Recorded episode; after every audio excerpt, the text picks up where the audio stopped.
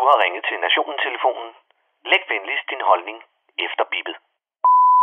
Ja, det er Palle fra Kalmborg. Kan I huske de der sanktioner, som hele Vesten pålagde russerne i starten af krigen, så de ville ryge på røv og albuer økonomisk, og dermed vende den russiske befolkning mod Putin, og på den måde forkorte krigen? Nå, okay. Jamen, så var det nok ikke noget alligevel. Det bliver i hvert fald den ondeste fimbulvinter i mands minde, hvis man skal tro eksperterne, som i de her dage overbyder hinanden i redselsscenarier. Folk bliver sat på gaden og må gå for hus og hjem, hvis de så meget som tænker på at koge en kop med dova til at varme sig på. Og vi dør nok alle sammen af kulde, frostbid og økonomisk armod, inden vi får at se, hvem af folkeforførende, der gik hen og vandt regeringsmagten, når valget kommer om lidt. Ja, det skulle da så i grunden være det eneste gode ved krisen. At man når at tage den sidste store lur og slip for at høre på de tre dementorer, Frederiksen, Pape og Ellemann, når de flakser rundt og skræmmer livet af danskerne med dommedagsvarsler.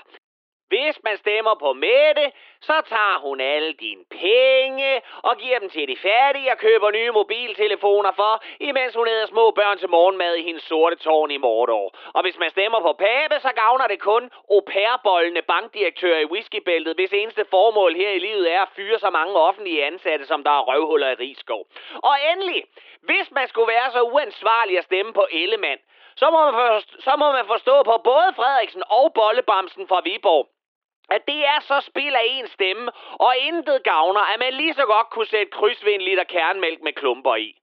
Jeg ved sgu ikke, hvad vi skal gøre, men noget tyder på, at vi er tilbage ved den våde papkasse fra Zalando som et seriøst godt bud på en ny statsleder. Jeg ved bare, at flere skoler har meddelt, at de vil skrue ned for varmen her til vinter, og at børnene skal have noget mere varmt tøj på i skole, så lille Hamada ikke kommer hjem med drivis i nosserne fra en matematikteam, eller Solvej Amalie er blevet et af en isbjørn under rundbold. Hvad fanden er det, der sker? Skal vores små hæslige afkom nu til at fragtes til og fra skole i hundeslæde via Beringstræde iført termoundertøj. Og hvis ikke vi klarer den hjem fra fritidshjemmet, når de bliver hentet klokken 16, fordi dødsfrosten tager sig alle sammen, er det så mit ansvar at holde mine unger varme i buen på en tauntaun, som jeg har sprættet op med mit lyssvær. Er hvad for noget, Palle? Lige meget, du er dum som valgplakat. If you know, you know. Alt jeg siger er bare, at er der ikke snart nogen, som gider at gøre noget ved Putin, så vi andre kan komme videre med, hvad der skulle have været en skøn tid efter corona.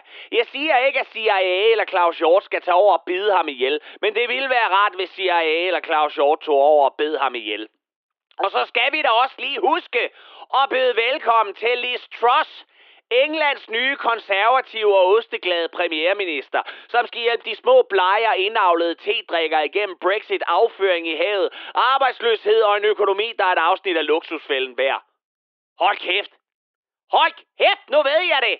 Det er sgu da nu, vi skal holde varmen ved at ro til England, ligesom i gamle dage.